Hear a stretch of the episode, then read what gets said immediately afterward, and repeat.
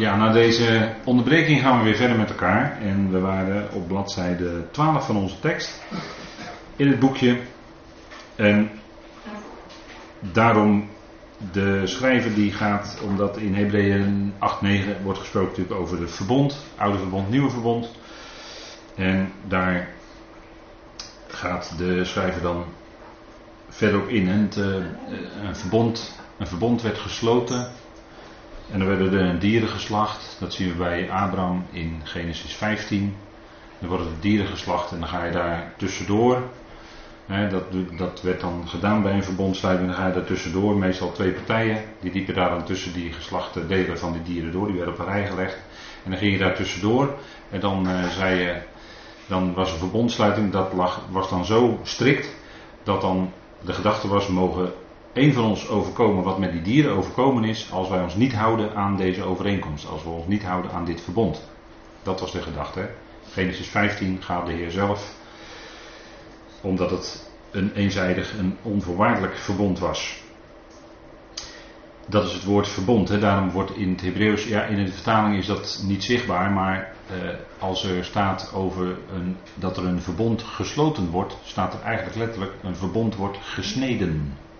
Een verbond werd gesneden. En als u de Engelse concordante vertaling erop naslaat, uh, die is wel op internet te vinden, dan zult u dat ook terugzien. Dat het Engelse woord voor snijden in, bij gelegenheid in de concordant, concordant literal version wordt gebruikt als er in uw vertaling staat het verbond sluiten. Vandaar dat snijden, hè, vanwege de gedachte dus van die dieren die gesneden werden door midden en aan weerszijden waar je tussendoor liep. De hier gebruikte term verbond behoeft enige toelichting om de betekenis van de Messias voor Israël duidelijk te maken. In de Hebreeuwse schrift worden drie grote verbonden genoemd. Er worden natuurlijk nog meer verbonden genoemd, maar er zijn drie grote. Allereerst het Abrahamitische verbond, dus het verbond met Abraham. Genesis 12, vers 1 tot en met 3, waar Mozes onder andere aan refereerde in Exodus 32, hebben we met elkaar gelezen. Het Abrahamitische verbond, Jaweh draagt Abraham op te vertrekken naar het land dat hij hem wijzen zal en doet de belofte hem tot een groot volk te zullen maken, hem te zullen zegenen en hem tot zegen te doen zijn voor alle geslachten van de aardbodem. En dat woord zegenen dat is uh, Baruch. Hè, of uh, ja, dat wordt ook uh, gebruikt als het gaat om knieën. Hè, Baruch heeft ook te maken met knieën, knieën die buigen. En Jaweh zegent hem dan, en dat is onvoorwaardelijk. Hè? Het is allemaal dat Jaweh zegt: Ik zal, ik zal, ik zal. En Abraham heeft daarin verder geen voorwaarden opgelegd gekregen. En zo zal het ook zijn. En zo is het ook. dat is het eerste grote verbond. Het tweede grote verbond is het Davidische verbond. 2 Samuel 7 vers 8 tot en met 17. Jaweh doet de belofte dat het koningschap over Israël, dat met David begon, tot in de eon zal zijn. die, laten we zo zeggen, de grote koning David, Daarmee werd het verbond gesloten. Natuurlijk was daarvoor Saul ook koning. Maar met David werd het verbond gesloten. En dat zal voortduren tot in de Eon. Dat is bij de Israëlische mensen eigenlijk spreekwoordelijk. David, 2 Samuel 7, wordt dat ook uitgesproken. En daar wordt ook verwezen naar de zoon van David. Dat er altijd een zoon van hem op de troon zal zitten. Nou, dat is. Uh, Natuurlijk, uiteindelijk gaat het dan om de zoon. Dat is de Messias, dat is Jezus Christus. En daar knoopt Matthäus ook bij aan. Want het eerste vers van Matthäus is dat Jezus Christus de zoon van Abraham is en de zoon van David is. En daarmee alle rechten ook heeft. Niet alleen op het lotdeel van Abraham, maar ook op het koningschap over Israël en daarmee over de volkeren. God zal een koning als David op de troon zetten. En uiteindelijk tijdens de duizend jaren zal ook fysiek David zelf op de troon zitten om namens de Messias te regeren. er zijn in de profeten staan zeker een stuk of zes, zeven vindplaatsen waarin staat dat David koning over hen zal zijn. Maar dat is nog toekomstmuziek voor Israël. En dan het nieuwe verbond. Dat is natuurlijk een opvolging van het oude. Jeremia 31, dat wil ik dan even met u opzoeken. Want we hebben al gelezen dat Christus Jezus de middelaar is van het nieuwe verbond. Jeremia 31. Bekende woorden. Jeremia 31. En dat is eigenlijk heel mooi. Hè? In de naam Jeremia zit, uh, zit iets dat ja verheven is. Ja, afkorting van ja, ja is verheven. dat rem dat duidt op een verheven of een hoge plaats. Denk aan Rama of Rimmon. Dat, is dat heeft er allemaal ook mee te maken. ja is verheven. Jeremia. En daar profiteert hij ook van. In Jeremia 31, bekende woorden, vers 31. Zie er komen dagen. Dat is de hoop, dat is de verwachting, dat is het uitzicht voor Israël. Dat zijn altijd woorden, als er staat zie, dan komt er altijd iets bijzonders. In het Hebreeuws is dat lo. zie. En dat heeft te maken met uh, het zien. Sorry, het, nee, uh, sorry, in de vertaling, in de Engelse vertaling staat dan lo, maar het woord voorzien is natuurlijk een ander woord in het Hebreeuws. Sorry, nou, verwar ik even met elkaar. Zie, er komen dagen, spreekt de Heer, spreekt Jaweh, dat ik met het huis van Israël en met het huis van Juda een nieuw verbond zal snijden. Sluiten, hè, staat er, snijden. Dat is dus met de tien stammen en met de twee stammen. Het huis van Israël is de tien stammen en het huis van Juda is de twee stammen. En die stammen die zullen allemaal tot één gemaakt worden. Hebben we weer dat één, hè? Eén God. Dus het zal ook worden één volk.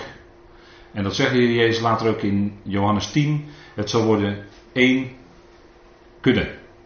Ezekiel zegt dat ook. Hè? Het zal worden één kudde met één herder. Dus die geweldige eenheid. Hè? Dus die verdeeldheid zal op zeker moment opgeheven worden tussen die twee huizen. En het zal één huis worden. En dan zal het hele huis van Israël één zijn. Dat is de aanduiding dan op dat moment van de twaalf stammen. En dat is misschien wel eens wat verwarrend in de schrift, maar vaak is Israël de aanduiding van de tien stammen, zo ook hier. En Juda een aanduiding van de twee stammen. Maar het wordt één. Ezekiel kreeg ook de opdracht om twee houten bij elkaar te doen.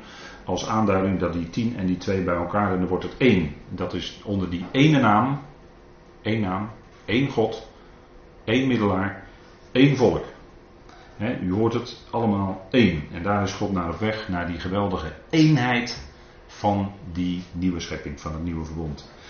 Niet zoals het verbond dat ik met hun vaderen gesloten heb op de dag dat ik hun hand vastgreep om hen uit het land Egypte te leiden. Mijn verbond dat zij verbroken hebben. Hoewel ik hen getrouwd had, spreekt de Heer. hier wordt dan terugverwezen op het feit dat het ging om een huwelijk tussen Yahweh en Israël. En daarom is ook de bruid voor de toekomst is altijd Israël. De gemeente is niet de bruid, Israël is de bruid. Dat is wat de schrift laat zien. Het woord bruid wordt nooit in verband met de gemeente die het lichaam van Christus is gebruikt in de schrift. En dat is dan ook het nieuwe verbond. want er staat, hoewel ik haar man was, spreekt Yahweh. Dat staat er eigenlijk. Voorzeker, dit is het verbond dat ik na die dagen met het huis van Israël sluiten zal, spreekt de Heer. Ik zal mijn onderwijzing, ik zal mijn wet, mijn Torah, in hun binnenste geven. En zal, zal die in hun hart schrijven. Ik zal hun tot een God zijn en zij zullen mij tot een volk zijn. Kijk, dat is, dat is toekomstmuziek voor Israël. dat is nu nog niet zo, maar dat zal in de toekomst zeker zo zijn. Dan zullen zij niet meer een ieder zijn naaste en een ieder zijn broeder onderwijzen door te zeggen: Ken Yahweh. Want ze zullen alle mij kennen, vanaf de kleinste tot de grootste toe, spreekt Yahweh. Want ik zal hun ongerechtigheid, eigenlijk staat er een woord dat heeft te maken met slechtheid. Er staat niet echt het woord voor ongerechtigheid in het Hebreeuws hier.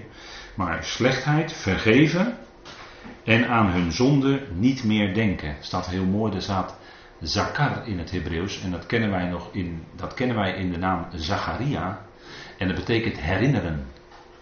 En de naam Zacharia is dan ook heel mooi. Dat wil zeggen, ja, herinnert zich. Hij herinnert zich zijn verbond. Hij herinnert zich zijn liefde. die hij voor het volk heeft. En dan komt hij met hen tot zijn doel. En hier staat dan, ik zal hun zonde niet meer herinneren. Ik zal hun zonde niet meer herinneren. En dat is mooi, hè? Dat is, dat is weggedaan. En eh, ja, dat geldt eigenlijk voor ons nu al, hè? Eh, de zonden, ja, soms zitten we misschien nog wel eens over dingen die we vroeger gedaan hebben te tobben. Maar eh, dan herinner ik me dat mooie plaatje van water en er staat een bordje in, verboden te vissen. Ja. Weet u wel? Want wij zitten dan misschien nog wel eens met dingen uit het verleden, en dingen die we verkeerd hebben gedaan.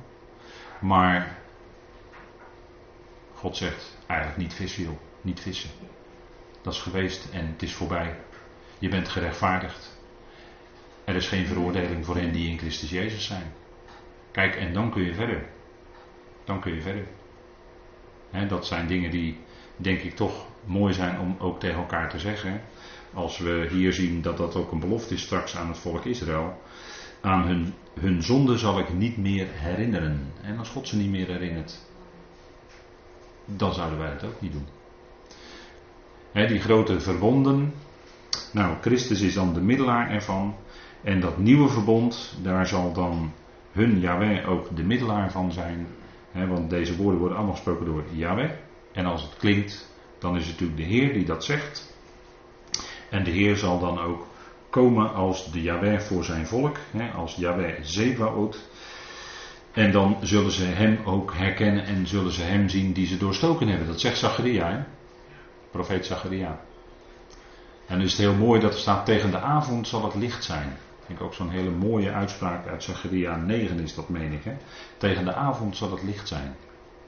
En dat is dat licht wat God brengt. En dan lijkt het allemaal voor het volk donker te zijn, maar dan komt Hij als het licht van de wereld. Als de zon van de gerechtigheid. En dan brengt Hij licht. Hè? Tegen de avond zal het licht zijn. Hè? Dat is heel mooi dat, dat je dat ook kan beseffen. Hè? En dan, dat is ook voor ons als uh, de dag voorbij is en het wordt donker en dan kunnen we s'nachts misschien wel eens liggen te tobben over en de dingen lijken groot enzovoort. En u weet dat allemaal wel. En dan geeft God toch zijn licht als je opnieuw dat woord opslaat of als je gaat luisteren. En dan schenkt hij weer dat licht waardoor je weer gerust in slaap valt. Hè? Tegen de avond zal het licht zijn. En dat is ook wat we als, uh, als we oud zijn geworden en in onze levensavond komen, om het zo maar te zeggen, dan is daar ook dat licht. Dat is dan nog precies hetzelfde als uh, 30, 40, 50 jaar geleden. Ook dan is daar datzelfde licht wat schijnt in ons leven, wat ons verlicht en wat ons licht en uitzicht geeft op een heerlijke toekomst, hè, die God hier zo vertelt aan zijn volk Israël. Goed, we lezen even verder op bladzijde 12 van onze tekst. Helemaal onderaan zijn we inmiddels gekomen. Alle drie verbonden komen samen in de Messias en vinden hun vervulling in Hem. En ook hier zien we eigenlijk evenzo heel mooi gezegd dat al die lijnen lopen dus naar de Messias. Hè? Het spreekt allemaal van Hem, het spreekt van onze Heer. Daar gaat het om in de schrift, het draait om Hem.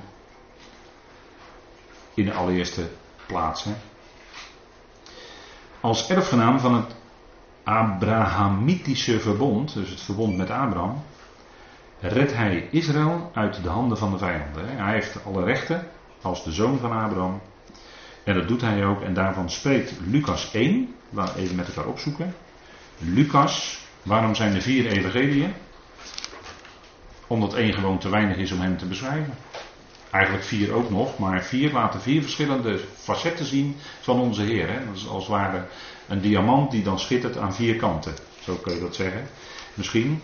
Want Lucas beschrijft vooral zijn mens zijn. Dat hij als mens hier was. En Marcus beschrijft hem als degene die altijd heel druk bezig was. Als de, de dienaar. En Matthäus beschrijft hem als de koning. En Johannes beschrijft hem als de zoon van God. En zo hebben we vier facetten en Lucas beschrijft hem dan als de zoon van Adam, hè, de zoon van de mens. De mens. Vandaar vier evangeliën. Lucas 1 staat het, vers 73 en 74. Dat is de lofzang van Zacharias. En dat gaat, wordt uitgesproken over bij de geboorte van Johannes. Hè. De eed, vers 73, de eed die hij aan Abraham onze vader gezworen heeft om ons te geven. Dat wij, verlost uit de hand van onze vijanden, hem zouden dienen zonder vrees. Dus hier wordt gehind naar de komst van de Messias, die het volk Israël zal verlossen uit de hand van de vijanden. En dat zal hij ook doen. En dat staat ook in onder andere beschreven in de profeet Zacharia. Waarin hij komt als Yahweh Zebaot om zijn volk te verlossen. De Heer van de menigten, de Heer van de legermachten is dat. Hè? Het is heel mooi dat dat zo uh, in Zacharia uitgebreid beschreven staat van de Messias. Dus hij verlost Israël van hun vijanden. En daarmee is hij, blijkt hij te zijn de zoon van Abraham. Dus ook de erfgenaam van het verbond.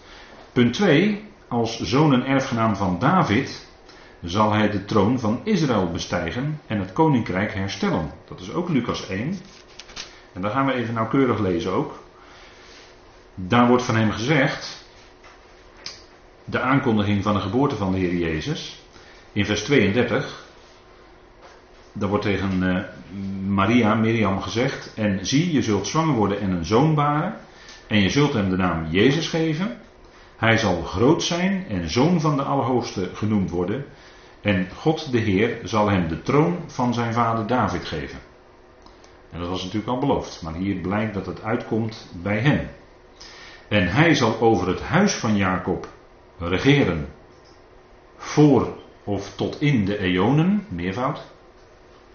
Dus in de komende tijden, de duizend jaren, iets meer dan dat. En daarna op de nieuwe aarde. Hij zal over het huis van Jacob regeren voor de eonen.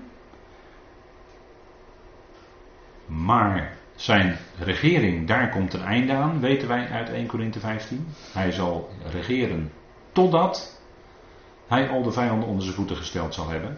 Dus daarom staat hier heel nauwkeurig eonen. Dat is dus twee tijdperken. Er komt dus een einde aan zijn regeren. Maar aan zijn koninkrijk zal geen einde komen. Kijk, dat blijft bestaan. En dat is de nauwkeurigheid van de schrift. Hè? En dat, wordt dus, dat weten wij verder uit 1 Korinthe 15 nogmaals. En dan kennen we natuurlijk liederen daar waarin we zingen dat hij zal regeren tot in eeuwigheid. Maar dat is beperkt tot de komende eonen. Want daarna is er geen regering meer nodig, omdat God alles in allen is. En dan is het tijd van regeren, want regeren veronderstelt nog weerstand. Maar als alle weerstand tot een einde is gekomen, als hij alle vijanden onder zijn voeten gesteld zal hebben, dan is dus het einde gekomen aan alle vijanden en aan alle vijandschap door zijn regering. En dan is God alles in allen. Maar dat rijk, dat grote rijk, dat blijft bestaan. En dat is wat Lucas hier, dat was hier wat gezegd wordt. Hè? Dus dan ziet u de nauwkeurigheid van de schrift. En ten derde, als de middelaar van het nieuwe verbond zal hij Israël van hun zonden redden. Dat wordt gezegd in Matthäus 1. Hè? Even met elkaar opslaan. Matthäus 1 wordt ook gezegd bij de geboorte van de Heer Jezus. Als verklaring voor zijn naam. Hij is redder. Yahweh red, dat is zijn naam, hè? dat hebben we al gezien deze week. Yahweh is redder.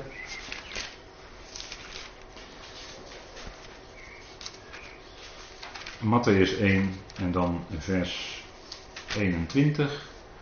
En ze zal een zoon baren en je zult hem de naam Jezus geven, want hij zal zijn volk redden van hun zonden. Meervoud. En als ik u vraag wat was de belangrijkste zonde van het volk Israël? Ik zie het, ik zie het zeggen. Ongeloof. Ja, dat was de belangrijkste zonde van het volk Israël. Ongeloof. Maar er was sprake van meer. En hij zal hen redden van natuurlijk van allen zonden. Hè. Die zal hij allemaal wegdoen. Dat is het werk van de middelaar.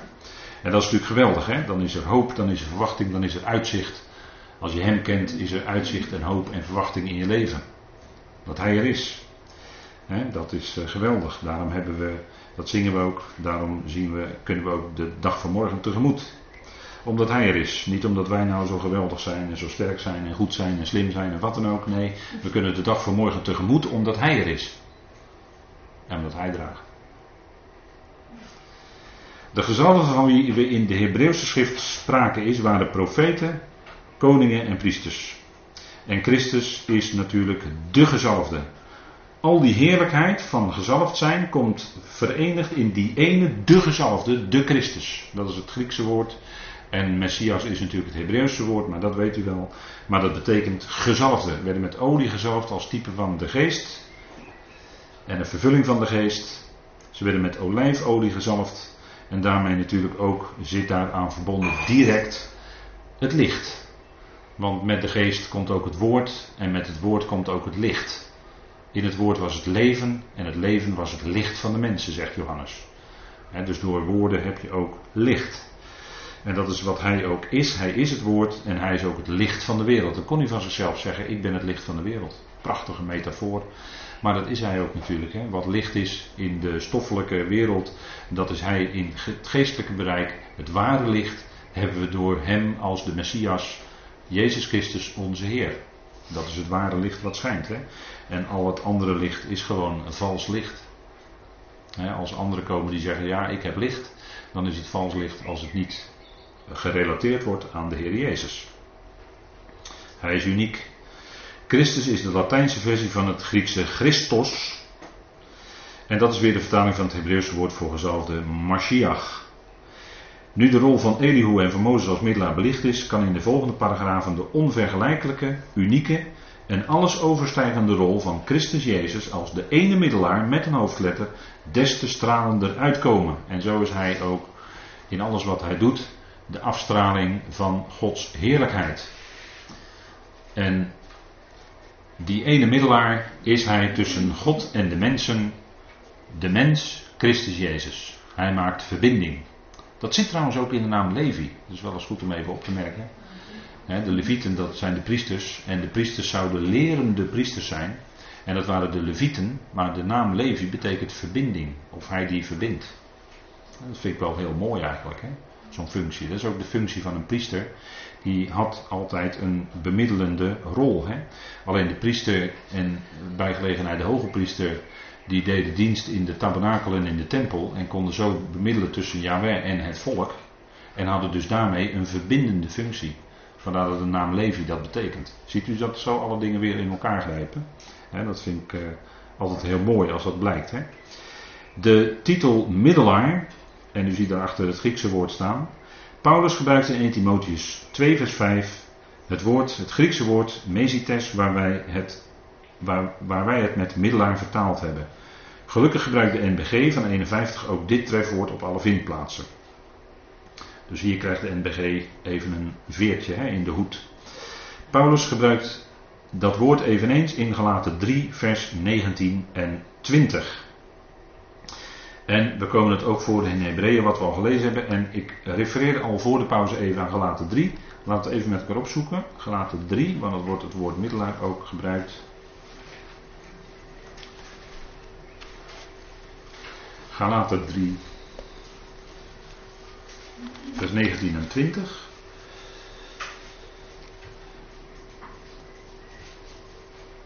En onder die galaten waren heel veel gesprekken gaande over de wet. Dat weten we inmiddels wel, hè? De Judaïsten waren daar gekomen. En die brachten daar een wet, wetticisme onder die gelaten. Vandaar dat Paulus daar zo op ingaat in de gelaten brief. En dan zegt hij in 3 vers 19, wat dan is de wet? Ten behoeve van de overtredingen werd zij toegevoegd.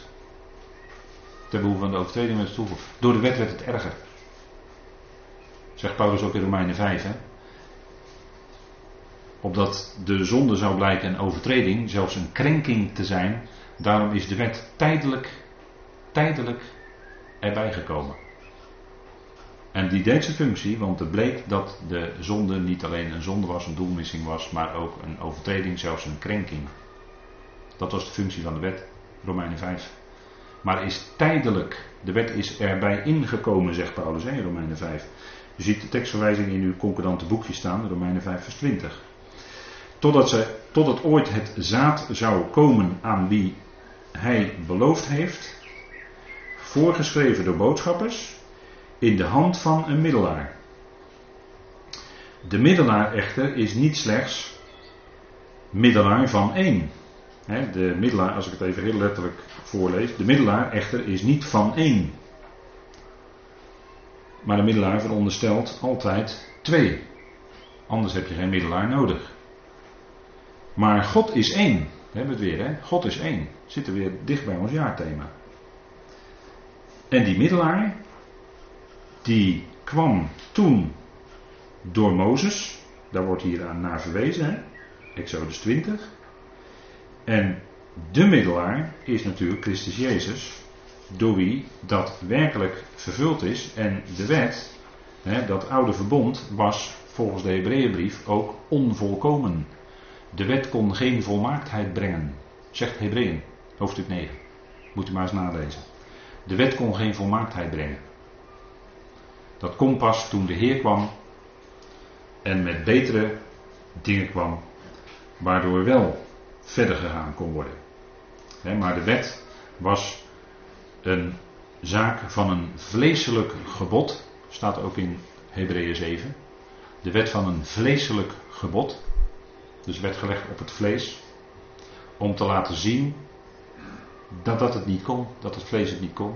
En het vlees maakt van een zonde een overtreding, wordt een krenking. Ondanks wat op het vlees gelegd wordt, gaat het vlees toch zijn gang en wordt, wordt de krenking, wordt de overtreding alleen maar erger. Het maakt het erger. Dat is wat Paulus zegt, en daarmee voldeed precies het aan de bedoeling van God. Goed, gaan we even terug naar onze tekst. Daarnaast komen dat woord middelaar ook tegen Hebreeën, drie keer. Onze Heer heeft dus tenminste twee titels, Christus en middelaar. Hij heeft natuurlijk nog veel meer, maar dit zijn voor onze studie deze week de belangrijkste. Helaas heeft het christendom deze teksten een zo omvloerste blik, met een zo omvloerste blik gelezen en derhalve slechts deels begrepen. Zo hebben christenen in de loop van de geschiedenis steeds verder discussies gevoerd over de vraag of Christus God was of mens. In 1 Timotheus 2 vers 5 staat het antwoord, Christus is niet God, want er is slechts één God. En hij is evenmin een gewoon mens, want er is één middelaar, de mens Christus Jezus en niemand anders. Wat dit inhoudt zullen wij hierna belichten. Eén middelaar voor allen. Christus Jezus onderscheidt zich als middelaar fundamenteel van de overige middelaars die de schrift ten toneel heeft gevoerd, zoals Elihu en Mozes. Want hij is meer dan als het ware de brug tussen God en mensen. Hij is immers degene die tot redding van de hele mensheid zijn leven heeft gegeven. God wil dat alle mensen gered worden en tot erkenning van de waarheid komen. En als God dat wil, dan is dat sterker dan de wil van de mens. Het is geen wens van God dat alle mensen gered worden, maar het is zijn uitdrukkelijke wil. En dus zal hij die ook doorzetten, want als God het wil, zal het ook gebeuren. Het evangelie van Paulus verkondigt geen voorwaardelijke redding. Dus het vereist geen enkele voorwaarde van onze kant. Wij kunnen niets doen daarin als het gaat om onze redding. Niets. Echt helemaal niets. Nothing. Nada. Helemaal niets. Want het presenteert Christus niet alleen als de zoon van David, koning van Israël, of als de zoon van Abraham, brengen van zegen voor de gelovigen, maar als de zoon van Adam. De mens, de laatste Adam, de middelaar voor de hele mensheid. En omdat hij kwam als de laatste Adam, bleek hij ook aan het hoofd te staan en kon als zodanig ook die hele mensheid als de grote Goel loskopen. En dat heeft hij gedaan. En die losprijs was hoog. dat vervangend losgeld was hoog. Dat was hij zelf. En daarom lezen we ook in Filippenzen 2 dat hij zichzelf ontledigd heeft, leeggemaakt heeft. Dat hij zichzelf verootmoedigd heeft. Dus hij handhaafde niet zichzelf. Dat ging tot en met het kruis. En het punt is dat het kruis ook een einde maakt aan ons in onszelf, wie wij als oude mens zijn. En ootmoedigheid betekent, hè, ootmoedige gezindheid betekent dan ook dat wij niet onszelf willen handhaven. Want dat zou getuigen van hoog en niet van laag, wat in dat woord ootmoedigheid zit. niet onszelf handhaven. Dat, dat is het voorbeeld van Christus Jezus. Hij gaf zichzelf totaal. En daarin zit een, uh, een contrast. God is niet alleen de God van Israël alleen, maar van de hele mensheid. Daar is Paulus bijvoorbeeld in Romeinen 3 mee bezig. Want de mens Christus Jezus heeft zichzelf gegeven als vervangend losgeld voor allen, zegt onze werktekst. Paulus mocht dit getuigen voor de eigen huidige era als enige van alle apostelen. In Matthäus 20 zei onze Heer nog tegen de discipelen dat hij gekomen was om zijn ziel, staat er letterlijk, te geven als losprijs in de plaats van velen. Zijn ziel als losgeld voor velen. Of in plaats van velen. Daarentegen mocht de apostel Paulus verkondigen dat hij vervangend losgeld is voor allen. En dan worden die woorden in plaats van en losgeld worden dan samengevoegd tot één woord bij Paulus. Vervangend losgeld hebben het vertaald, maar dat is één woord in het Grieks, wel een samengesteld woord. En dat heeft hij gegeven voor of ten behoeve van allen. Dus die, al die mensen, die hele mensheid samen, die konden niet datgene doen wat hij deed en wat hij was. Die hele mensheid samen was niet dat, kon niet dat vervangend losgeld zijn wat hij was. Was niet mogelijk. Daarom moest hij zelf zichzelf geven als vervangend losgeld voor allen. En in dat woordje voor zit dus dat die allen dat zelf niet konden doen. Maar dat heeft hij gedaan in zijn eentje, om het zo maar te zeggen. Eén voor allen, één is voor allen gestorven. En dus zijn allen gestorven. Daarmee werd die hele mensheid meegenomen. En was in feite daar het einde van het oude. En bij de opstanding was het begin van het nieuwe. En dat is ook de garantie dat die hele oogst gaat komen. En dan zitten we weer midden in het evangelie, hè, zitten we weer midden in dat goede nieuws. En zo heeft hij zichzelf gegeven en dat is dus heel ver gegaan. Hij die zonder zonde was, werd tot zonde slechts zondoffer gemaakt. Voor allen, om uiteindelijk allen tot de Vader te brengen. Nou, dat is geweldig, hè. Dat is evangelie. Goed, daar sluiten we dan voor vandaag mee af. En ik wil graag afsluiten met danken. Vader, want als we deze dingen met elkaar overwegen, dan kunnen we niet anders dan danken. Danken voor dat geweldige goede nieuws, dat evangelie wat klinkt. Zo sterk vanuit het jaarthema. Vader, daar staat in feite het volle evangelie. En we danken u dat dat zich uitstrekt tot allen. Het is niet beperkt. En zo kunnen we ook die ander aanzien met die ogen van liefde van u. Die liefde is in ons hart gekomen. En zo kunnen we ook ieder ander, wie het ook is, ontmoeten. En beseffen dat ook die ander erbij hoort uiteindelijk. En in die liefde, in dat liefdeplan van vader is opgenomen. En wat brengt dat van ons, bij ons dan van binnen een andere houding teweeg? Een houding van ootmoedigheid. Zoals uw zoon die weg is gegaan in diepe verre ootmoediging. Tot de diepste diepte, zelfs de dood van het kruis. Het ging heel diep. Vader, dank u wel dat we die dingen met elkaar mogen overwegen en ons mogen verwonderen over zo'n grote Heer, die dat voor ons heeft bewerkt. Vader, en we zijn en we blijven verwonderd, omdat we steeds weer horen van dat geweldige. En vader, dan danken we u dat u al die anderen op het oog hebt. En vader, als we nadenken over anderen, misschien wel over onze eigen kinderen en wat voor weg die gaan, dan weten we toch dat ze uiteindelijk niet buiten die cirkel van uw liefde vallen. Maar u heeft een hele wijde cirkel getrokken waarin ieder valt. Ook al onze kinderen. En dat biedt troost aan ons hart als we zien dat ze misschien een weg gaan die niet fijn is. En die van u afleidt. Maar dank u wel dat we ze op ons hart dragen. Ervoor bidden. En weten, Vader, dat ze in uw hand veilig geborgen zijn.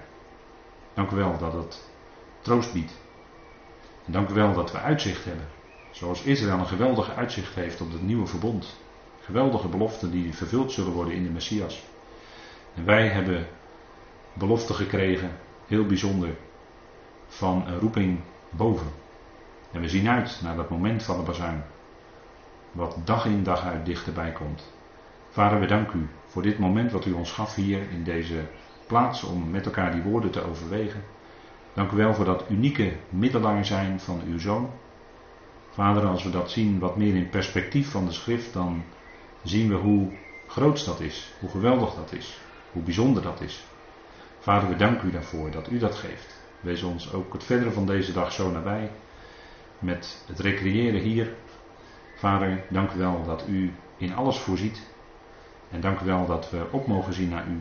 Ook voor het verdere van deze dag en de tijd die nog hier rest. We danken u daarvoor. Voor uw liefde, goedheid en trouw. Voor de gemeenschap. We danken u daarvoor. In de naam van uw geliefde zoon. Amen.